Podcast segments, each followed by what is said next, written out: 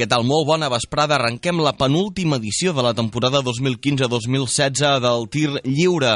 Nosaltres que ja anem posant punt i final a aquesta temporada que ha estat molt emocionant en l'àmbit basquetbolístic.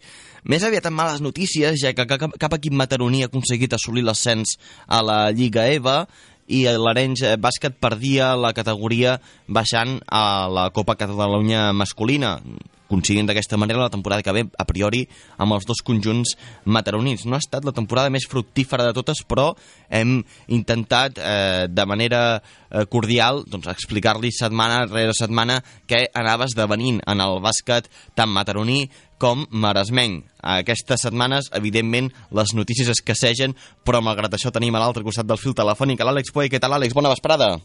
Què tal, aquí estic? Bona tarda. Doncs eh, tant l'Oriol com l'Àlex Puey com un servidor, en Joan Grimal, farem possible aquesta edició del tir lliure, recordem, penúltima edició d'aquesta temporada 2015-2016 del programa d'actualitat basquetbolística de Mataró Ràdio. Comencem amb una de les poques notícies que tenim en l'àmbit maresmenc de, de bàsquet, per no dir l'únic, Àlex, endavant. Doncs sí, les jugadores del Llavaneres, Laura Salmerón i Inés Serra, s'han proclamat aquest cap de setmana campiones d'Espanya amb el femení del Sant Adrià, un Sant Adrià que ha participat aquests campionats aquest cap de setmana i la veritat és que ha guanyat bastantes medalles i ha tancat una temporada inolvidable i per tant ens alegrem per aquestes dues jugadores maresmenques que han format part d'aquest femení del Sant Adrià. Mm, no podria ser de cap altra manera. Eh? Recordem el Sant Adrià s'ha quedat finalment a les portes d'aquesta temporada de l'ascens a la màxima categoria de bàsquet femení, a la Lliga Femenina. És una, de, de fet, de les, de les poques notícies bones eh, que han rebut, no ben l'àmbit maresmenc, però sí que és veritat que el Sant Adrià femení el sentim molt maresmenc també perquè té diverses jugadores maresmenques que apunten molt alt i esperem que d'aquí unes temporades les disfrutem en la màxima categoria de bàsquet femení, sens dubte seria tot un èxit i això, al Sant Adrià, a veure, ja que aquesta temporada no ha pogut ser, esperem que sigui la següent, tot i que al llarg de l'any aconsegueixen altres eh, títols, altres reconeixements més enllà de, de competicions, diguem, com, com la Lliga Femenina 2, que és evidentment la lliga regular que disputen. Esperem que la temporada que ve no se'ls resisteixi l'ascens i puguem gaudir doncs, de més jugadores maresmenques encara a la màxima categoria de bàsquet femení, aquesta lliga femenina. I anem a parlar ara del campionat júnior, em sembla, 3x3 de Catalunya, Àlex? Doncs sí, així és. Eh, aquest cap de setmana, el proper, de fet, d'aquí el 24 i 26 de juny, s'organitzarà el primer campionat d'Espanya júnior eh, 3x3. Eh, tindrà seu a la ciutat de València i participaran dos combinats catalans en categoria masculina i dos en categoria femenina. Les seleccions eh, catalanes s'enfrontaran a Balears, Euskadi, Múrcia, Castella i Lleó i La Rioja. En club femenina, doncs, també hi haurà moltíssimes, moltíssimes representació. Eh, estarà format el combinat català per Laura Penya, Maria Gascon i Maria Marina Vallès, del femení de Sant Adrià, concretament Maria Berneda, Laia Soler, Mireia Rei, Riera i l'única jugadora de la Unió Esportiva Mataró, que serà Esther Murat. També hi haurà del bàsquet almena Dèlia Ània. De, per part de, dels nois, eh, també diferents jugadors com Daniel García, Nil Baquer, Gerard Rodríguez, Eduard García, Quim Salvans, Eric Vila, Enric Curtó i Joan Pons, però ningú eh, pertanyent a cap eh, conjunt mataroní. Per tant, de totes formes, anirem amb Catalunya perquè participar, com hem dit, aquest cada setmana en el primer campionat d'Espanya júnior 3x3 de seleccions autonòmiques. I més enllà de Catalunya, realment, si d'una cosa estan expectants tots els, tots els seguidors de bàsquet d'Espanya és d'aquesta final de l'ACB. Com està anant aquest Barça-Madrid, Àlex? Doncs va començar bé pel Barça amb aquell primer partit eh, guanyant sobre la Botzina, però eh, dos derrotes consecutives i la veritat és que per diferència ahir el Real Madrid va castigar el Barça-Lassa, que no es va trobar en el seu millor moment i es situa només una victòria del títol de Lliga 91 a 74 de 17 punts va guanyar l'equip de Lasso eh, sobre l'equip de Xavi Pasqual. Ara mateix Xavi Pasqual, l'equip català, està obligat a guanyar el quart partit a Madrid. Recordem que és l'últim partit que jugaria a Madrid. Si empaten, s'aniria en un últim partit decisiu eh, a Barcelona aquest cada setmana, però mm, el Barça que va anar a remolc tot el partit no va poder frenar Sergi Llull, que va ser el gran, el gran eh, líder dels blancs, juntament amb Rudi Fernández, que va estar estel·lar, i per tant eh, un, eh, un parcial de 15 a 0 fulminant, va ensorrar completament uh, les opcions d'un Barça que la veritat és que es vot 2-1 i ara mateix ho tindrà molt, molt, molt complicat per remuntar aquesta eliminatòria. Veurem a veure, perquè a la final de moment té color blanc, però esperem que el Barça pugui refer-se i guanyar a Madrid i forçar el cinquè partit. Desitjar el millor al conjunt català, el Barça en aquesta eliminatòria que de moment té bastant complicada contra el Real Madrid i perilla el seu campionat de Lliga. Nosaltres que creuem l'Atlàntic, Àlex, anem a parlar d'aquesta actualitat de l'NBA, sobre què ha passat aquestes últimes nits. Doncs sí, doncs ja tenim campió de l'NBA, de fet ja el tenim fa una matinada, els Cleveland Cavaliers eh, obtenen un històric títol de campions de l'NBA a costa dels Golden State Warriors. LeBron James, amb un triple-doble, va comandar una tasca que semblava impossible, remuntar un 3-1 a 3 per coronar per primera vegada la història, com hem dit, els Cavaliers. Eh, són els nous campions de l'NBA, ho fan fent història per diversos motius. Mai la franquícia, la, la franquícia de Tokyo, eh, creada el 1970, s'havia coronat campiona i mai un equip havia aixecat aquest resultat a la final. Perfecte. I LeBron James Digues? Endavant, endavant. Dic que el LeBron James, eh, en el setè i decisiu partit, ha anotat un triple doble. Això vol dir 27 punts, 11 rebots i 11 assistències per aconseguir aquest triomf. 89 a 93 en aquest setè partit de la gran final. L'actuació d'aquest eh, jugador, LeBron James, ha estat majúscula en contraposició a la del jugador franquícia del Golden State Warriors, Stephen Curry, que s'ha quedat amb 17 punts. Un Stephen Curry que potser eh, ha notat les molèsties del seu genoll i pot ser eh, que hagi sigut clau en el seu rendiment, però, tal com diu Stephen Curry, amb la seva sense no tinc excuses, només compta el resultat i l'hem perdut. Ells han fet el que calia per ser campions i són merescut. Doncs sí. Això ha reconegut l'MVP de la lliga regular d'aquesta NBA. Perfecte, doncs aquesta victòria per part de Cleveland Cavaliers, nosaltres que ens felicitem des d'aquest tir lliure de Mataró Ràdio, però preferim tornar a casa, en aquest cas per parlar de l'àmbit poliesportiu.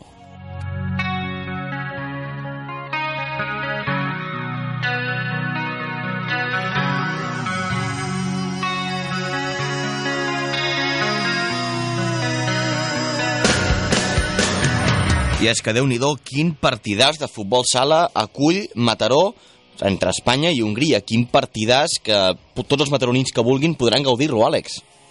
Doncs sí, s'està disputant ara mateix al pavelló municipal Teresa Maria Roca eh, i l'organitza el, el, el futsal Mataró dins dels actes eh, del seu 15è aniversari. Eh, organitza juntament amb la Federació Catalana de Futbol i l'Ajuntament de Mataró el partit internacional entre les seleccions nacionals de Catalunya i Hongria el combinat català absolut entrenat per Santi Gea s'enfronta a Hongria, una de les revelacions de l'últim campionat d'Europa que, que entrena el nostre director tècnic Cito Rivera. El partit, com hem dit, s'està disputant eh, en breus, ara a partir de les 9, i eh, el retransmetrà Esport 3 en directe. Per tant, aquells amants del futbol sala el podran veure en directe per la televisió. Perfecte, i ara ens n'anem cap al costat i és que tenim una notícia provinent de Sant Andreu de Llavaneres. Doncs sí, doncs aquest cap de setmana, evidentment, eh, va bé, va bé el 3x3 eh, Tour, del tir lliure, amb la, amb la representació de moltíssims equips, moltíssims combinats de 3x3 que van disputar aquest eh, torneig a Llavaneres aquest cap de setmana. Recordem que això no para perquè el proper cap de setmana el tir lliure 3x3 Tour se'n va cap a Sant Adrià al complex municipal Ricard. I recordem també que l'última data també serà el juliol a les festes santes de, festa de juliol, concretament a les festes altes de Mataró, que també disputarem el 3x3 tir lliure de Mataró. Per tant, a l'escola Valldèmia. Per tant, eh, queden encara dos events, dos esdeveniments per tancar aquesta temporada de bàsquet.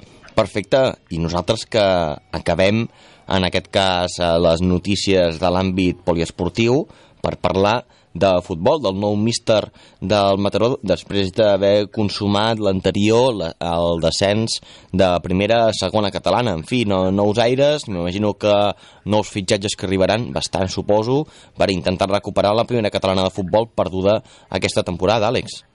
Doncs sí, l'encarregat serà Alberto Encinas, que substitueix a Josep Maria Polo i eh, comenta en una entrevista realitzada a totmataró.cat comenta que porta, bueno, eh, ja el coneixem de que fa 9 anys que porta entrenant juvenils i sobretot eh, a nacional, eh, per tant és un home de la casa, és un home que coneix la secció, és un home que coneix els jugadors i per tant, eh, bé, és un home que, que diu que el seu objectiu evidentment és tenir algun fitxatge més, però eh, confia en els que hi ha, confia en els jugadors experimentats que hi ha, sobretot que s'han de fer forts a casa, cosa que no han fet aquesta temporada, i que eh, vol mantenir el gruix de la plantilla de cara a buscar aquest tornar aquesta primera catalana tal com estaven. Per tant, veurem a veure, segons ell, evidentment s'ha de buscar un grup consistent que sàpiga què fer quan es té la pilota i què fer quan no es tingui la pilota. Per tant, un Albert Encinas que eh, agafa aquest repte amb moltíssima il·lusió, és un home de la casa que porta molts anys treballant aquí i, evidentment, coneix molt bé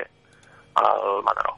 És veritat que el, aquesta passada temporada, aquesta temporada recent acabada, faltaven 6 o 7 jornades perquè s'acabés i, i a veure, tothom donava per fet que el Mataró se salvaria. El que passa és que s'han anat desencadenant en aquest cas diverses, diverses derrotes i això ha fet doncs, que arribessin a les últimes jornades eh, sense la permanència garantida i que ha passat que en un duel fonamental contra el Girona B el conjunt mataroní va perdre i, i amb aquesta derrota la categoria. Vam tenir la sort de narrar aquell, aquell accidentat partit, Àlex, i, i Déu-n'hi-do amb quina tensió es va viure i recordar sobretot això, que el Mataró, cinc jornades abans de disputar-se aquest Mataró-Girona B, ningú es pensaria que s'estaria jugant la permanència perquè totes les, quin les quinieles estaven donant com per més que favorit el Mataró per salvar-se, però, però vaja, coses surrealistes, no?, dins l'àmbit del futbol. Sembla que està salvat, l'equip potser relaxa una mica, potser, eh? No, no, no sé si va ser el cas eh, explícitament del Mataró,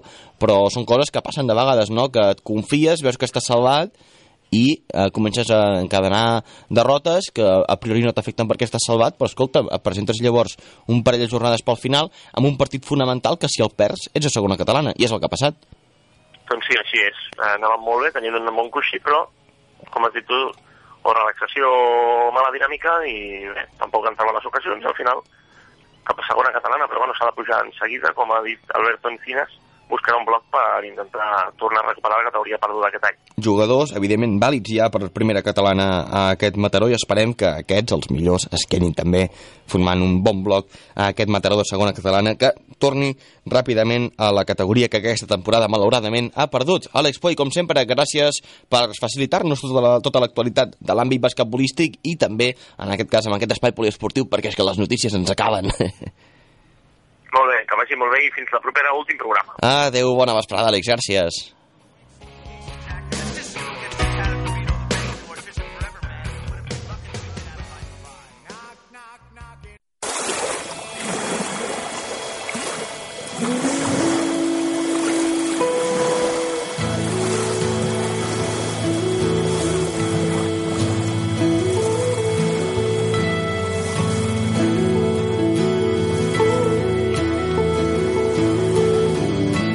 Bé, encara que pràcticament hagi finalitzat la temporada de 2015-2016 de bàsquet, nosaltres que som o intentem ser al peu del canó aquest tir lliure, en aquest cas per parlar sobre 10 consells i beneficis del bàsquet eh, realitzats per la seleccionada, per la selecció de Centroamèrica de bàsquet, la Maria Fleischmann. L'escoltem. Hola, mi nombre es María Fleischmann, soy seleccionada nacional de baloncesto Soy integrante del equipo Trias, campeón centroamericano de clubes y hoy quisiera darte 10 tips de cómo mantenerte en forma y cómo jugar mejor baloncesto. El baloncesto es un deporte que realmente uno lo trabaja súper bien en todas las áreas. Eh, es un deporte que lo mantiene muy bien a uno físicamente y yo los invito a ustedes a que, a que jueguen básquet, de verdad van a ver que realmente se juega y lo que uno siente por dentro, de verdad, toda la gente que sabemos del baloncesto sabemos que lo llevamos adentro de la sangre, es un deporte que a uno lo apasiona y al final, de verdad jueguen, yo los invito, fedérense y, pues a jugar básquet. Es importante a la hora de, de practicar cualquier deporte eh, realmente hacer un calentamiento muy bueno que, va al conjunto con un estiramiento muy bueno. Es importante también no empezar de una vez estirando si uno no ha lubricado bien o uno no ha calentado un poquito en cancha. Em, por ejemplo, nosotros a la hora de entrenar siempre empezamos haciendo ciertos ejercicios eh, de calentamiento, rodillas arriba, pateo atrás, eh, movimiento de brazos. Realmente se calienta todo el cuerpo de primero y luego pues ya empezamos nosotros con, con unos minutos de estiramiento. En este tipo de deporte es muy importante que te mantengas hidratado. Eh, ponte, si en, en, un día tienes un entreno muy fuerte o tienes un partido muy importante, es bueno estarse hidratando durante todo el día, tomar mucha agua pura, eh, no estar tomando cafés, ni Coca-Cola, ni ese tipo de cosas y tomar muchas bebidas rehidratantes. En el baloncesto nosotros no llevamos como que la dieta más estricta que, que existe, pero sí es bueno siempre saber eh, qué cosas son, son mejores comer, digamos, antes de un partido muy fuerte, qué cosas son mejores no comerlas porque uno de repente no las digiere bien. Entonces, ponte, si tú tienes un partido y, y va a ser algo muy fuerte y a la hora de almuerzo te pues a veces no es bueno comer, ponte un pedazo de carne grandota, ¿verdad? Porque el cuerpo no lo digiere tan bien, entonces en vez de comer ese pedazo de carne, normalmente lo que uno puede hacer es comerse un pedazo de pescado, comer bastante pasta. La pasta y todos los carbohidratos al final, el día de los juegos, de los entrenos, te van a ayudar porque esa energía la vas a ir consumiendo durante el entreno o la vas a ir usando, digamos, durante el partido. En el baloncesto es ideal acompañar los entrenos, eh, no solo entrenos de balón y todo esto, sino también con gimnasio. Es muy importante las pesas, si uno puede hacer pesas eh, para piernas, pesas para brazos, hacer abdominales, lumbares, pues al final un trabajo en general de cuerpo va a ser muy importante y eso te va a ayudar muchísimo a jugar mejor el baloncesto. Si te quieres mantener en forma jugando básquet, también es muy importante ir sabiendo ciertas técnicas que te pueden ayudar a mejorar. Por ejemplo, cómo rebotar el balón. Se hacen con las yemas de los dedos y esta parte de aquí siempre muñequeando para abajo. Otra cosa importante es cómo poder tirar el balón. A la hora de, de tirar hacia la canasta no es solo tirando, tienes que colocar de cierta forma el balón en tu mano y con la otra solo medio sostener, no la tienes que agarrar. Y luego al final se tira casi solo con una y la otra solo le da un poquito de dirección. A la hora de pivotear eh, es muy importante no estar como que volteando a ver eh, muchísimo, ¿verdad? Uno juega mucho de espaldas, entonces uno al final trabaja mucho con la visión periférica y, y uno tiene que sentir dónde es que uno tiene a la persona que a uno lo está defendiendo. Algo que es muy importante es la repetición en el baloncesto. Uno para poder agarrar el, tiro, las técnicas y todo, uno tiene que repetir, repetir, repetir. Entonces, eh, realmente a la hora de entrenar uno se tiene que esforzar mucho en repetirlo, hacerlo igual, irlo perfeccionando. Y entonces a la hora ya del partido todo va a salir muy natural y uno tiene que realmente entrenar como uno juega. Entonces ya a la hora de jugar, pues a uno ya le salen las cosas súper bien. El baloncesto es un juego en equipo. Es muy importante que las cinco que están jugando estén en total sintonía, que todas sepan a dónde va mi compañera, a dónde se va a cortar, dónde me va a poner una pantalla. Entonces al final eso eh, nos va a hacer que juguemos eh, un mejor baloncesto porque todas vamos a saber dónde está mi compañera a la hora de un pase, de un corte, de cualquier cosa. Entonces eh, al final necesitamos que no solo una persona eche, sino que echen todas y que todas jueguen eh, en conjunto para poder ganar ese partido. Doncs interessant, evidentment, escoltar la Maria Fleischmann, en aquest cas seleccionada pel conjunt de Centre Amèrica.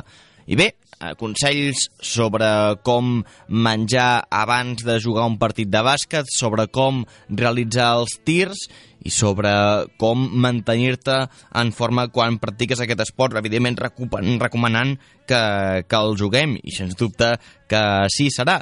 I bé, nosaltres, que evidentment seguim aquí al tir lliure després d'haver escoltat aquests consells, no desconnectis de Mataró Ràdio, el programa segueix.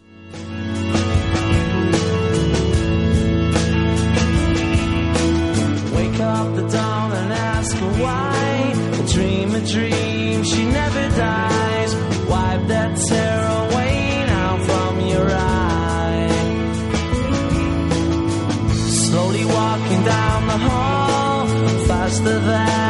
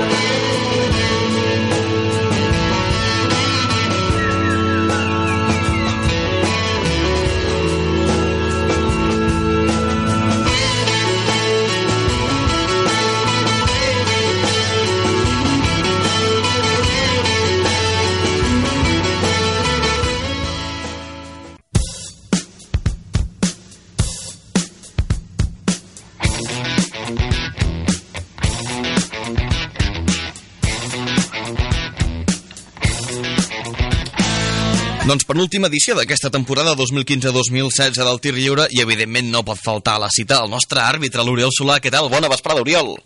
Què tal? Bona vesprada pels futbolistes. Doncs eh, diversos temes, eh, diverses qüestions arbitrals que també vols aclarir avui, algunes d'elles curioses, n'hem parlat fora d'antena, i a veure, per on comencem? Sí, a veure, eh, comencem per, bueno, per, per dir als nostres oients també que si volen, eh, encara que tinguem un peron d'aquests estiuenc, doncs que poden seguir fent les seves preguntes i les seves qüestions eh, en, el, en el Facebook doncs, del Tir Lliure, poden escriure doncs, en, el, en, a la pàgina que tenim de, del Facebook, o també poden interaccionar a través del Twitter amb el hashtag Tir Lliure o amb, mencionant directament doncs, el perfil de, del programa, que seria arroba tir lliure. Sí que és veritat doncs... que de cara a la setmana que ve tenim preparada una secció especial, però si algun oient ens vol fer arribar una qüestió concreta, evidentment també la tindrem. Doncs endavant, endavant que, que per això estem, no?, també. Sens dubte. I bé, quatre, quatre qüestions, em sembla, que tens preparades per avui, Oriol. O sigui, una sí, qüestió extra correcte. de les que estem acostumats i a veure què ens portes. Correcte. A veure, primer de tot, eh, com que ara mateix també arribem al final de temporada i hi ha doncs, partits que són molt, molt, molt, molt ajustats, eh, parlarem de quin és el concepte de pròrroga. La pròrroga, en principi, és, és una continuació del quart període. Dir, a vegades sí que és cert que quan s'acaba el partit, un partit normal, i s'acaba empatat, doncs la gent té la sensació de que es torna un altre cop a començar el partit, però com, com, bueno, com, es torna a començar un altre cop el partit perquè perquè s'ha quedat empatats, però no és ben bé així. És dir, eh, es considera que la pròrroga és una continuació del quart període, que són 5 minuts extras a eh, reglament FIBA doncs, per, per decidir a veure quin dels dos guanya. Per tant, no es farà un salt entre dos, com es fa al principi del partit, sinó que se seguirà, per exemple, doncs, el, uh, la fletxa d'alternança. Si assenyala cap a un costat, doncs seguirem uh, el que ens indica la fletxa. I també haurem de recordar que els bonus no s'abaixen per cap dels dos equips, sinó que es segueix, com ja hem dit, com que és una continuació del quart període, doncs es, segueixen amb els, amb els bonus aixecats si s'han aixecat a, amb un dels dos o amb les faltes acumulades que, que existeixin doncs, en el quart període, no? Uh -huh.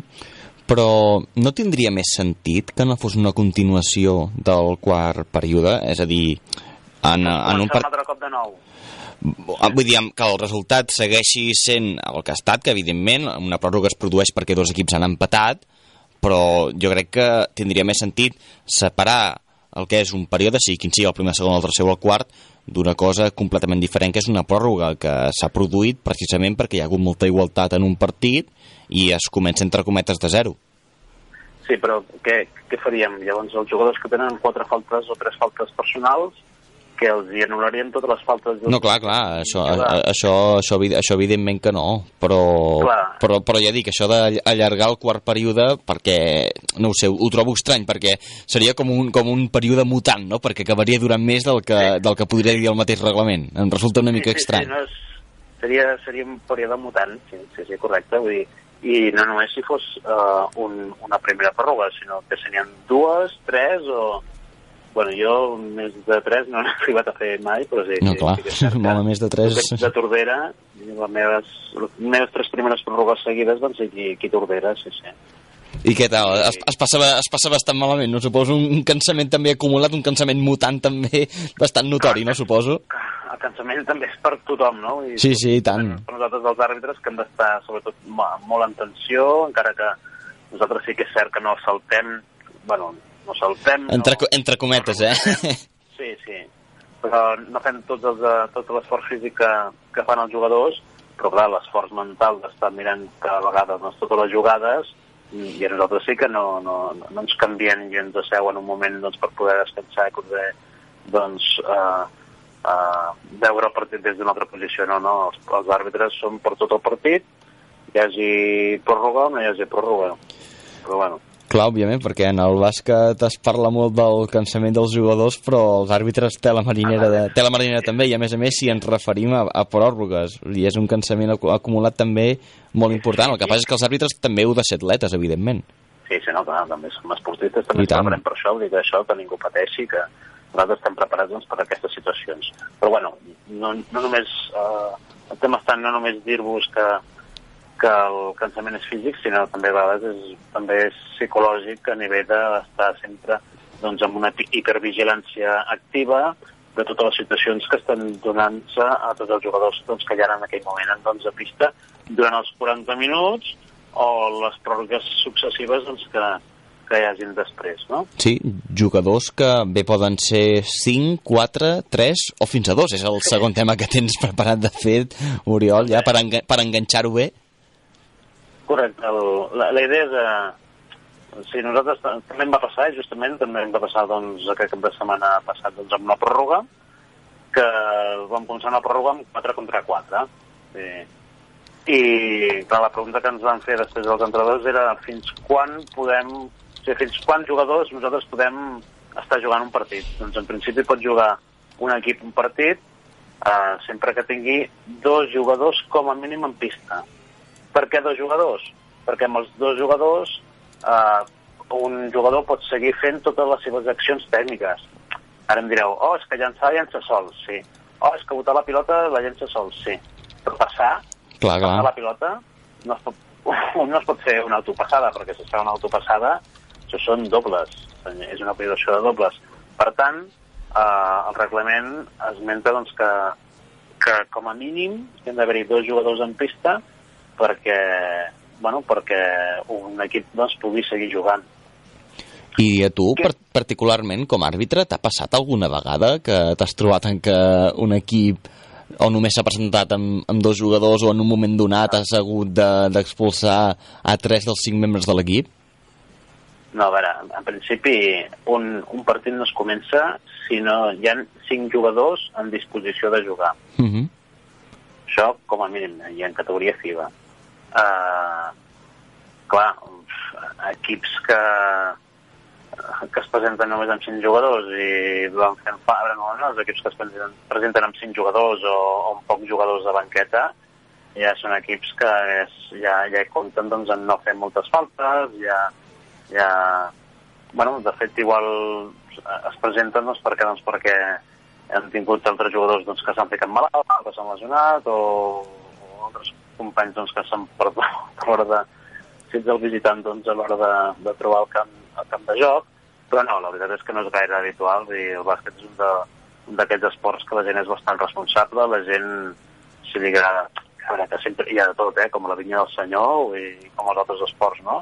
Però a la gent, doncs això, que li agrada, li agrada jugar i li agrada tampoc, doncs no, no, no, no fer ridícul, dir que, mm -hmm. normalment som, més de 5 jugadors, hi ha algun jugador en banqueta, com a mínim, i, bueno, mm, més que res, eh, jo el que volia comentar és això, doncs que, que si en principi hi ha dos jugadors en pista, es pot jugar, es pot seguir jugant el partit, llavors sí, quan, quan en queda només un, llavors sí que s'acaba el partit, eh, en principi nosaltres com a, com a, com a notaris, o sigui, àrbitres com a notaris de les situacions que estan passant a pista, doncs això ho notifiquem al comitè de competició, que ha passat tal cosa, i anotem doncs, el resultat que en aquell moment està havent-hi en el marcador.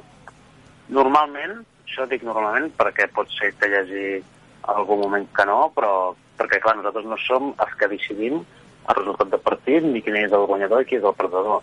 Però normalment la tendència que segueix el comitè de competició és que eh, si l'equip que es queda amb un jugador va perdent el partit, pues, li anoten directament doncs, el, el resultat el resultat que, que hi havia en aquell moment al marcador.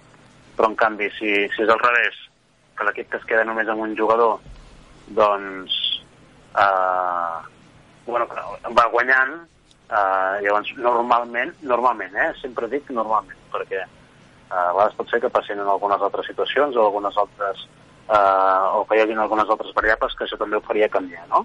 Uh mhm. -huh. Doncs normalment el que fa el comitè de competició és donar-li un 2 a 0 a, a, a l'equip que en principi no s'ha quedat amb, amb un jugador, no? Per què es fa això? Doncs perquè justament si tens, si tens dos jugadors... Eh, Bé, bueno, que, pots passar la pilota a aquest jugador ah, no, en un servei de falta, per exemple. I encara així ens pots donar possibilitats doncs, a l'altre equip doncs, per poder doncs, per poder fer alguna altra cosa, no? Per això. Doncs 4, 3 o dos jugadors en pista eh, poden ser presents per part d'un equip a mig partit, però menys ja no, perquè evidentment un jugador sol pot efectuar un tir, per exemple, o pot botar la pilota, però clar, és que no, no, no li pot passar a un altre company, evidentment, i tenim, Clar, clar. tenim més coses, Oriol. Clar. Què més? El tema de la violació de 8 segons. Val, uh, això és perquè m'ho ha preguntat alguns també aquest cap de setmana. El tema de violació de 8 segons sempre es fa des del lloc on es troba la pilota quan s'ha produït la, la violació, excepte que no sigui de, de sota el tauler. És dir, seria línia a fondo, però de sota el tauler no, no? Però aquí el que m'heu preguntat és que quan la violació es xiula quan la pilota està en l'aire, és a dir, quan està passant doncs, del camp de defensa al camp d'atac. Perquè recordem, eh, la regla de 8 segons, els 8 segons es deixen de pitar quan, quan la pilota està en control d'un jugador en el camp d'atac. Si la pilota està en l'aire, encara es poden comptar els, els 8 segons i, i la penalització, aquí està la, el kit de la pregunta, la resposta doncs, als nostres amics basquetbolístics que, que ens han volgut fer aquesta pregunta. Uh, llavors, la- l'execució, el saque de la violació es farà des de la línia central. Clar, i, i el moment al qual la pilota és a l'aire compta com a possessió. Sí, sí, sí, sí, encara segueix comptant i seguim comptant doncs, els, els 8 segons i, i, i, bueno, i els 24 també. Uh -huh. Però bueno, com que primer són els, els 8 segons, que és el que et xiula primer, doncs, doncs la violació, en aquest cas, es sacarà des de la línia central. Perfecte. Més? Tenim un altre- Doncs tenim ja el quart i darrer tema, Oriol. Sí, tenim un, un tema que potser a vegades eh, no s'acaba d'entendre, depèn de quines situacions i depèn de quins jugadors, però sí que és cert que un bon entrenador que sigui coneixedor de les, de les normes, doncs, eh, bueno, els dirà als seus jugadors que facin una cosa contrària a la que no tindrien que fer normalment, no? És a dir, quan, és el tema de que quan nosaltres quan fem una sacada, o fem un saque i no toca ningú la pilota dintre la pista, des d'on se saca? Doncs pues se saca des del mateix lloc on s'ha fet la sacada, d'acord? I saca, i saca l'altre equip, perquè A no veure, però això, és, això no és molt surrealista? Sí, clar, és que representa que en teoria, doncs, com que ningú... No, a veure, sí que a vegades passa, eh? Vull dir que aquí li has de passar la pilota en aquell moment, doncs es despista o es dona un cop sense voler ell mateix, doncs, uh, amb un altre company seu i, i entre grais i cebes, doncs al final no, ningú, ningú, ningú està per agafar la pilota, no? I la pilota surt, doncs, uh, surt a fora un altre cop, no? Carai. El, bueno, això és una jugada doncs, que, que normalment passa, però que sí que és, de vegades és, és bueno, més espectacular, és, és més cridaner la situació aquesta de que si tu estàs uh, sota l'aro, del teu aro, i saques, llences la pilota, fas un passi de béisbol i llences la pilota doncs, perquè l'agafa un company teu uh a, a l'altra pista i no l'agafa, cal, uh, l'entrenador coneixedor doncs, les regles els diran als seus jugadors que estan defensant doncs, aquesta passada. No, no, no l'agafeu. Perquè, clar, si l'agafen els jugadors, llavors els jugadors tindran que, que passar a... tindran la pilota en el seu camp de defensa i tindran que passar fins al camp d'atac amb, la- amb la corresponent pèrdua de temps, no? Bueno, pèrdua de temps no. Una corresponent eh, no guany de temps que tindrien si deixessin anar la pilota que sortís per fora, perquè si un cop surt per fora has de tornar a sacar un altre cop des del mateix punt, guanyaries doncs, estar un altre cop doncs, en, el, en el sota del bàsquet on, on en principi has sacat, o en principi has ficat bàsquet o en principi doncs, tindries que ficar bàsquet, no? Ostres, però Per això això, a de... doncs, tro- de en, en això d'un servei lateral a venir 10, 10 jugadors a una pista que ningú toqui la pilota, no que deu. repeteixi, però... Bueno, sí, no, nou llavors, si hi ha un, si hi ha un jugador secant... Ostres, però és que nou som, nou som molts jugadors, Oriol. Sí, sí. No, no, però pot passar, pot passar. Vull dir que hi hagi que la passada, el passador... És que el problema no només és del receptor, sinó el gran problema està en el passador. El passador, si passa la pilota en un lloc on no hi ha cap dels nous jugadors... Oh, clar, això sí, això sí. Clar, dius, mm, la culpa no és pas del recep dels receptors, eh, la culpa és del passador. Eh, I, sac I sacaria exactament el mateix jugador, el mateix equip, que abans havia efectuat aquest servei lateral o l'altre. no, no, seria una violació, sacaria l'altre equip, Ah, però clar. sacaria des del, des de l'altre punt, bueno, des del mateix punt on s'ha efectuat, on, bueno, des d'on s'hauria que efectuat doncs, aquesta... O sigui, no, no seria un justament s'ha perdut la pilota, no? O sigui, si un jugador efectua un servei lateral, la, la pilota se'n va per l'altre lateral del terreny de joc, no s'efectua pas per aquest lateral per on s'ha perdut la pilota, no? Sinó es fa justament des d'on ha sacat l'altre pel jugador. mateix joc. Molt Sí, bé. pel mateix joc. Pel Perfecte. Mateix joc. Si, si no hi havia... Si, el, si no era un, una sacada després de bàsquet, el temps no corre, en canvi, si és una sacada per després de bàsquet, pues, s'assenyala la violació quan el moment que, que surt fora i se saca des de sota l'aro també. Mm -hmm. Però això, clar, el, la situació és que l'entrenador està dient al seu jugador, el seu jugador que està defensant, o sigui, el, el que l'equip atacant és el que en principi perd la pilota, però el seu entrenador li està dient al seu jugador no, no, no, no la toquis, no la toquis, no l'agafis. Mm Però per què? Perquè el nano, mm, potser en aquell moment, li entra un conflicte doncs, de valors, un conflicte de... Oh, el meu entrenador m'està dient que no l'agafi, però si sempre em diu que l'agafi per intentar sempre atacar. No, justament en aquest moment, si no la toques i, i deixes que surti la pilota doncs, a fora, sacaràs des d'un punt que sigui més proper doncs, a, a l'aro contrari, eh, beneficiant-te tu doncs, d'aquest desplaçament doncs, endavant doncs, de, de la sacada de la pilota. No?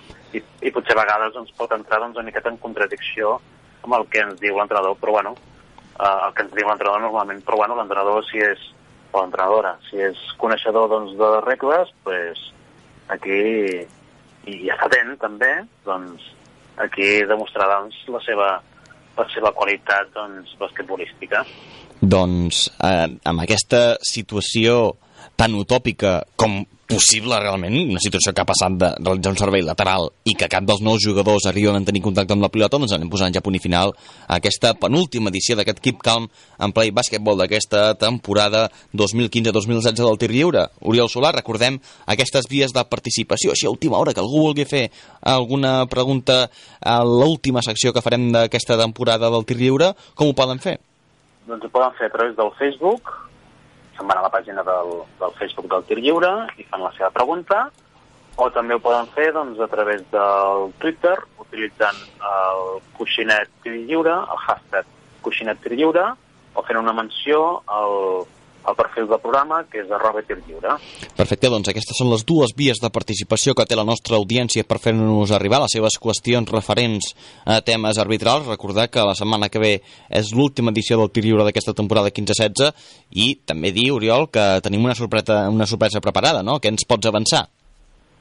Bueno, a veure, de fet, penseu que ja s'acaba la temporada també, que, que és cert doncs, que, que és possible, no ho sabem encara, eh, perquè això són els clubs de, juntament bueno, els clubs de la federació els que decideixen si s'han de canviar normes o no s'han de canviar normes, el comitè també els ha d'estudiar, els ha de parlar, i bueno, de moment encara estarem expectants a veure si, si algun canvi de normes i tal, però bueno, no us preocupeu, que a la que, a la que puguem puguem dir alguna cosa doncs, de noves normes i tot, ho direm.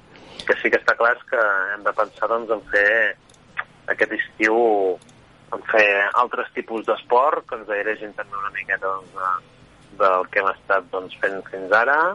És molt recomanable anar a la platja, és molt recomanable fer altres esports, sobretot esports d'equip, i és recomanable, doncs, bueno, tampoc fer excessos i, i portar-se una miqueta bé perquè penseu que la temporada mm, començarà també d'aquí d'aquí un mes i mig Sí, sí, i comença d'aquí res. que Sí, sí. finals d'agost Ja la tenim aquí.